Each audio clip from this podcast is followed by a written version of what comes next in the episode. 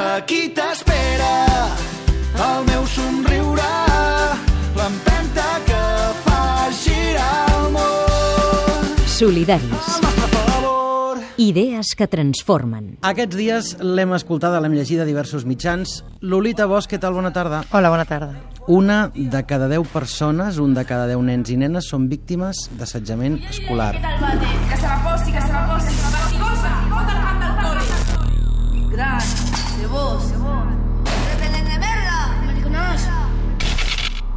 Un de cada 10 nens i nenes pateix assetjament escolar. Un de cada 10 nens i nenes necessita ajuda urgent.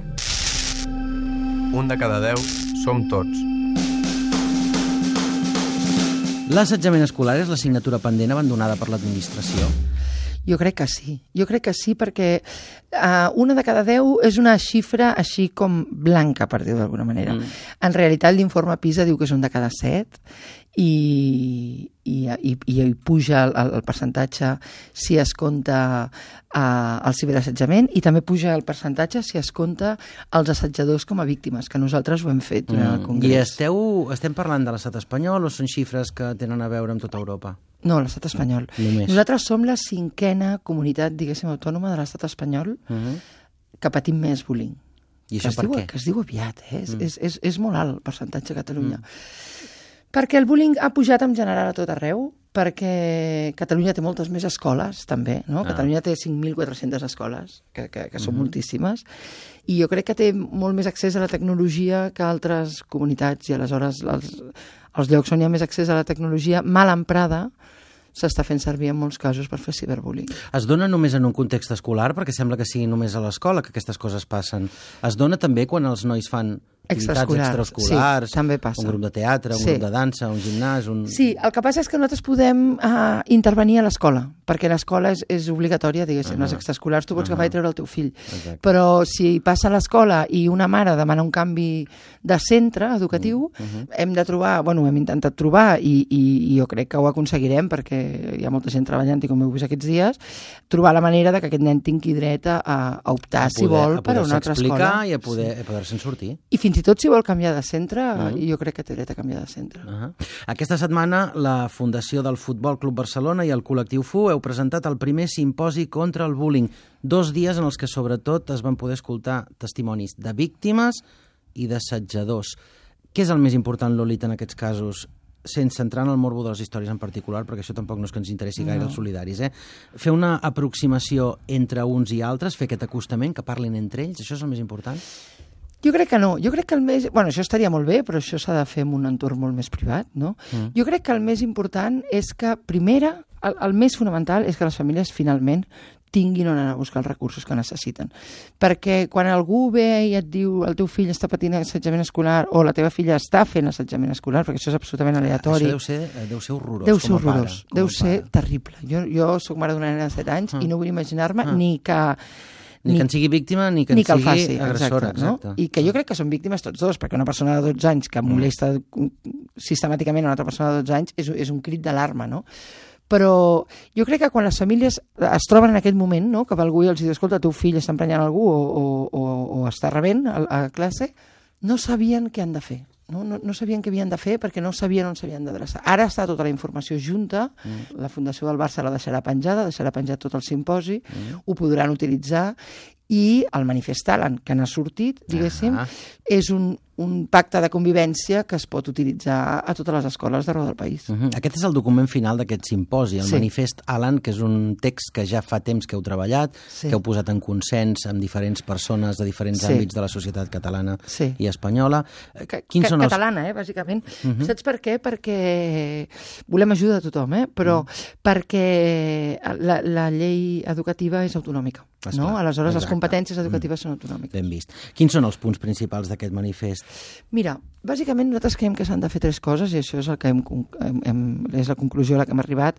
Com tu deies, treballant amb molta gent de la, de la ciutadania, també amb institucions com Save the Children o la UNESCO o, amb, o amb gent com l'Arcadi Oliveres, per dir algú, o víctimes del bullying, que també han estat convocats de manera anònima perquè no volen sortir a signar-lo i, a, i a trobar un, un consens entre tots, no? Entenc que víctimes de bullying majors d'edat, que ja han passat pel procés o ja l'han deixat enrere. Bueno, hi ha un menor Mhm. que és extraordinari que ha vingut així d'amagades. Però ara et diria una cosa.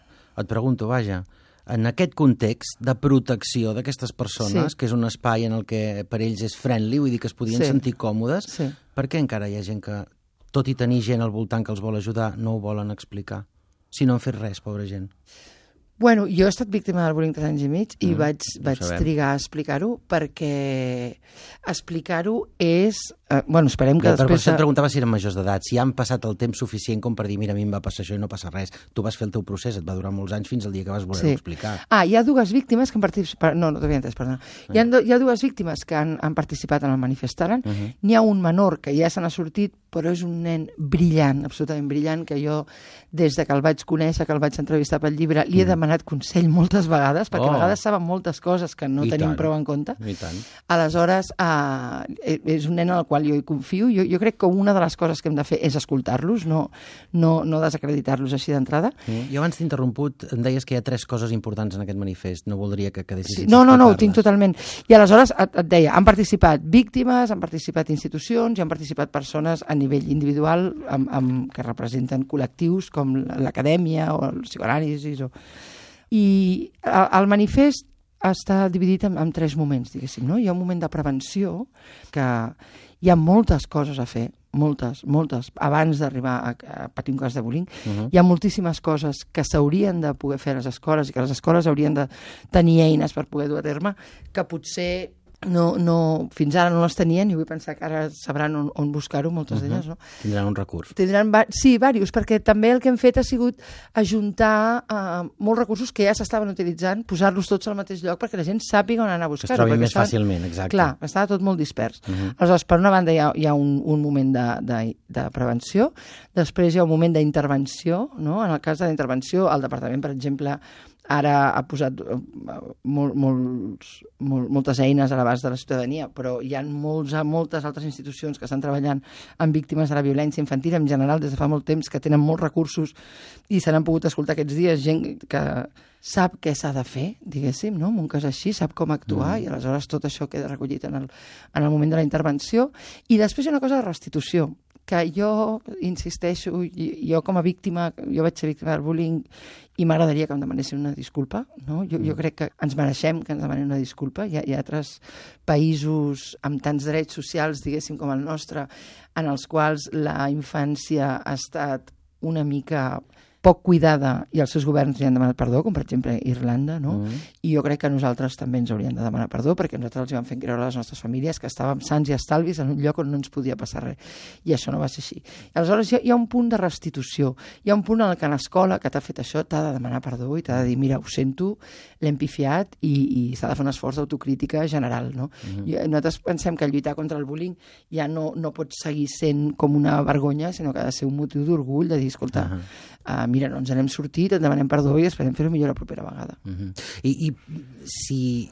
Perquè això ho hem sentit moltes vegades. Hi ha qui justifica que això havia passat tota la vida. Sí, és veritat. I, i, i llavors per què li havíem fet tan poc cas fins ara? Ara que, i precisament el manifest sí. porta el nom de l'Alan, Sí. que és aquest nen que es va treure la vida perquè no podia suportar l'assetjament al que s'estaven sotmetent a l'escola.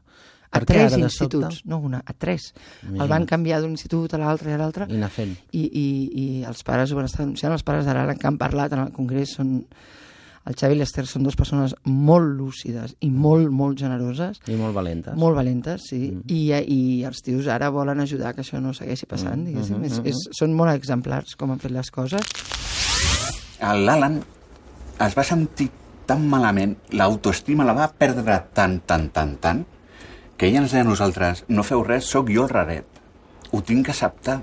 I és veritat, que això ha passat tota la vida, és veritat. No, no era un ordre de prioritats, no? Ja, mm. També podia dir la generació que em precedeix a mi com a dona, a nosaltres ens havien pagat tota la vida, no? I tant, sí. I, sí, i hi ha sí, un sí. moment en el que pagar la dona és un delicte, no? Ara li toca el bullying, no? Perquè amb, amb, amb xifres és molt bèstia pensar que un de cada set estudiants de Catalunya va al col·le, si no amb molta por, perquè no cal que el bullying sigui um, a vegades físic, perquè el, el bullying extrem que, que comporta intents de suïcidi, eh, la majoria dels casos, afortunadament, No, això de per posar- La, la, la És terrible, gallina, és una cosa terrible, sí. però no, no cal arribar a aquest extrem. Però pensar que un de cada set nens i nenes de Catalunya demà o demà passat dinaran Mm. a l'escola amb por o amb incomoditat o amb tristesa... O sense ganes, no és- vull anar a l'escola, mama, perquè ja no hi estic injust, bé. Sí. Si Ah. ho diuen a casa, a vegades no ho diuen ni a casa, simplement Ah. uh, jo escalfava el termòmetre? Quan, Per- quan eren de mercuri. Per fer febre, exacte. Bueno, sí, per dir, hòstia, no vull anar a l'escola, però tampoc vull preocupar la meva família, no? Perquè Ah. ta- ta- també els hi passa això, que per una banda no volen anar a l'escola, però per una altra tampoc volen preocupar la seva família, perquè Ja, saben també, que... hi ha, també hi ha famílies que tampoc no ho veuen i el que pensen és ai, mm, deixa't de Deixa't de tonteries, no tonteries, passa ja ho res, vull". home, Sí. torna-t'hi. Sí. Que allò era molt fàcil, torna-t'hi. Sí, jo vull pensar que la majoria de la gent anem cap a millor, diguéssim. Mm. Som més sensibles a, a molts problemes socials i, i, a més, aquest país és especialment solidari i, i jo crec que això ho hem de fer servir. Tu abans deies que els que hi heu passat eh, el que més reclameu és el perdó, el que us demanin perdó, vaja. Això és el, és el que és prioritari per vosaltres? No, el que és prioritari és que cap nen de 15 anys passi el que vaig passar jo. I els agressors, quan es fan grans, són capaços de reconèixer el que van fer? Molt pocs. Maduren, prou com per dir, ostres, vaig fer barbaritats, això no ho hauria Sí. de fer, procuraré que els meus fills no ho facin. I, sí, provaré Sí? que els meus fills no ho facin, i és una frase que he sentit molt. Mm. Però um, jo crec que el que els hi passa als agressors... Jo, jo crec que encara no, no, no ho solucionarem del tot perquè els agressors no s'atreveixen a parlar. Sigui, tu abans deies els agressors que han parlat en el, en el Congrés Mm. són tots gravats, ningú s'atreveix a venir a donar la cara i dir, escolta, jo he fet això, tenen por de perdre les seves feines, tenen por de que els assenyalin, tu no? diràs, Tu diràs, Hi ha alguns, que també s'han sentit al Congrés, que han fet un procés de- d'autocrítica, han anat a demanar perdó a la víctima, han, han aguantat el xapuzón, que és el que han de fer, han d'aguantar el xapuzón, personal. Sí. i de penediment personal, i de, i, de, i de veure què han fet malament i com ho podien haver fet millor i tal. Però en general, jo, jo crec que una societat és realment civilitzada quan ajuda a, a les persones que fan mal, no només a les persones que el reben. Que les persones que el reben ja, en una societat amb els drets socials com la nostra, s'hauria de donar per fet. Però les persones que fan mal tenen dret a reinsertar-se d'alguna manera. I un nen... I no podem criminalitzar la infància. No, no, no, no, no està bé. Aquests dies t'he sentit diverses vegades parlar de que en el fons víctimes i agressors són víctimes tots dos, de maneres diferents. tots dos, de maneres sí. diferents. Sí. I que és important valorar la situació personal de cadascú, el per què un fa una cosa, l'altre perquè la rep. Jo crec que si algú fa mal a algú altre s'ha d'anar d'entrada i preguntar-li, tio, sobretot algú que no comet un crim, perquè és que el bullying no és un crim, no és, no és, un, no, no és, no? és, un, és una cosa que fa un nen de 13 anys que durant 6 mesos et segueix a casa teva tirant-te pedres. Clar. Però s'hauria d'anar i preguntar-li a aquest noi um, Però davant d'històries tan passa? cruels com la de l'Alan, explica'ls als seus pares que el que han fet amb el seu fill no és un crim. ho saben. Als instituts, el tema bullying, mm, jo crec que passa palabra. Pares que tinguin mil ulls, que els hi facin molt cas i a la primera sospita de que un nen no menja, es tanca l'habitació, no vol anar al col·le, que nosaltres ho pensam que era una depressió, que sobretot els hi facin cas I ho han entès. Bueno, ho han entès. No, tenen tot el dret a estar emprenyats amb les persones que mm. s'han acostat a l'Alan. Mm. Però el, els pares de l'Alan, com la majoria de les víctimes, saben que o ajuden els agressors mm. o no ens en sortim. Primera, perquè si només ajudem a les persones que l'estan rebent, anirem, anirem curant persones, diguéssim, però les persones que l'estan fent el podrien No, seguir posarem fent. pedaços només. I segona, perquè hem de treure aquestes etiquetes. No? Una persona que està fent mal als 12 anys, el primer que s'ha de fer, després d'ajudar la persona a la que li ha fet mal, òbviament, és anar i preguntar-li, tio, què et passa? No? Què, què, què necessites? Perquè si no tenen una etiqueta, perdona, eh, que te- tenen una etiqueta de que o venen de... fa- Tenien, jo espero que hagin trencat diversos mites aquests dies, però de que, de que són, venen de famílies desestructurades, de que són uns xulos, de que són uns cabrons, de que... O sigui, com si, com si hi hagués alguna cosa que Que ho estigués... justifiqués. Sí, i que estigués... Com si hi hagués un error en ells. No hi ha un error I que fos ells. inevitable, incorregible. Exacte, exacte. Ja és com si fos el seu destí, no? Mhm. Aquest simposi es va poder seguir en streaming a moltes escoles del país. Les escoles ja fan prou per lluitar contra el bullying. Uh, mira, hi ha una dita a Menorca que diu qui fa el capot no està obligat a més. Eh, jo vull A pensar... Menorca i a tots els països catalans. Però és veritat que a Menorca en Jo- diuen coses mo- molt sàvies, diuen. Sí, sí, sí. que hi ha molts mestres que fan tot el que poden. No et diria que hi ha moltes escoles que fan tot el que poden, diria que hi ha molts mestres que De fan tot el que poden de manera individual. Lolita Bosch, les persones que formeu el col·lectiu FU, qui sou el col·lectiu FU? Doncs mira, el col·lectiu soc jo, Mm. vale? i per cada projecte invito a gent diferent. Hem, jo he treballat sobretot a, a llocs amb violència molt extrema. Com, A Mèxic. Bàsicament a Mèxic, però també hem treballat Lolita a Bosch és Mèxic. sí. Jo treballo molt a, amb, amb víctimes de la guerra del narcotràfic, Mhm. I, però també hem treballat a Colòmbia, a Senegal, a Palestina, a Israel, a, a, a no sé, a molts llocs. Eh? Ara, Mhm. ara, mm, així. I aleshores el que faig és que per cada projecte Mm. convoco voluntaris i voluntàries que vulguin donar el seu temps i ajudar, doncs mira, des de muntar una uh, biblioteca a la presó de Colòmbia amb més denúncies contra els drets humans, Mm. amb llibres triats pel Juan Mercè i regalats per totes les editorials de Barcelona i gestionada pels presos. Que, que potent, això. Sí, això és genial. Això és una cosa que Oh. m'agradaria molt seguir fent, però bueno, va, en- sí, sí, sí, és que hem fet projectes molt xulos. Portem com 34 projectes, i aleshores dic portem perquè Perquè sempre t'acompanya gent. sempre m'acompanya gent. Jo dono un 30% i- del meu temps i els meus diners per muntar cada projecte. Uh -huh.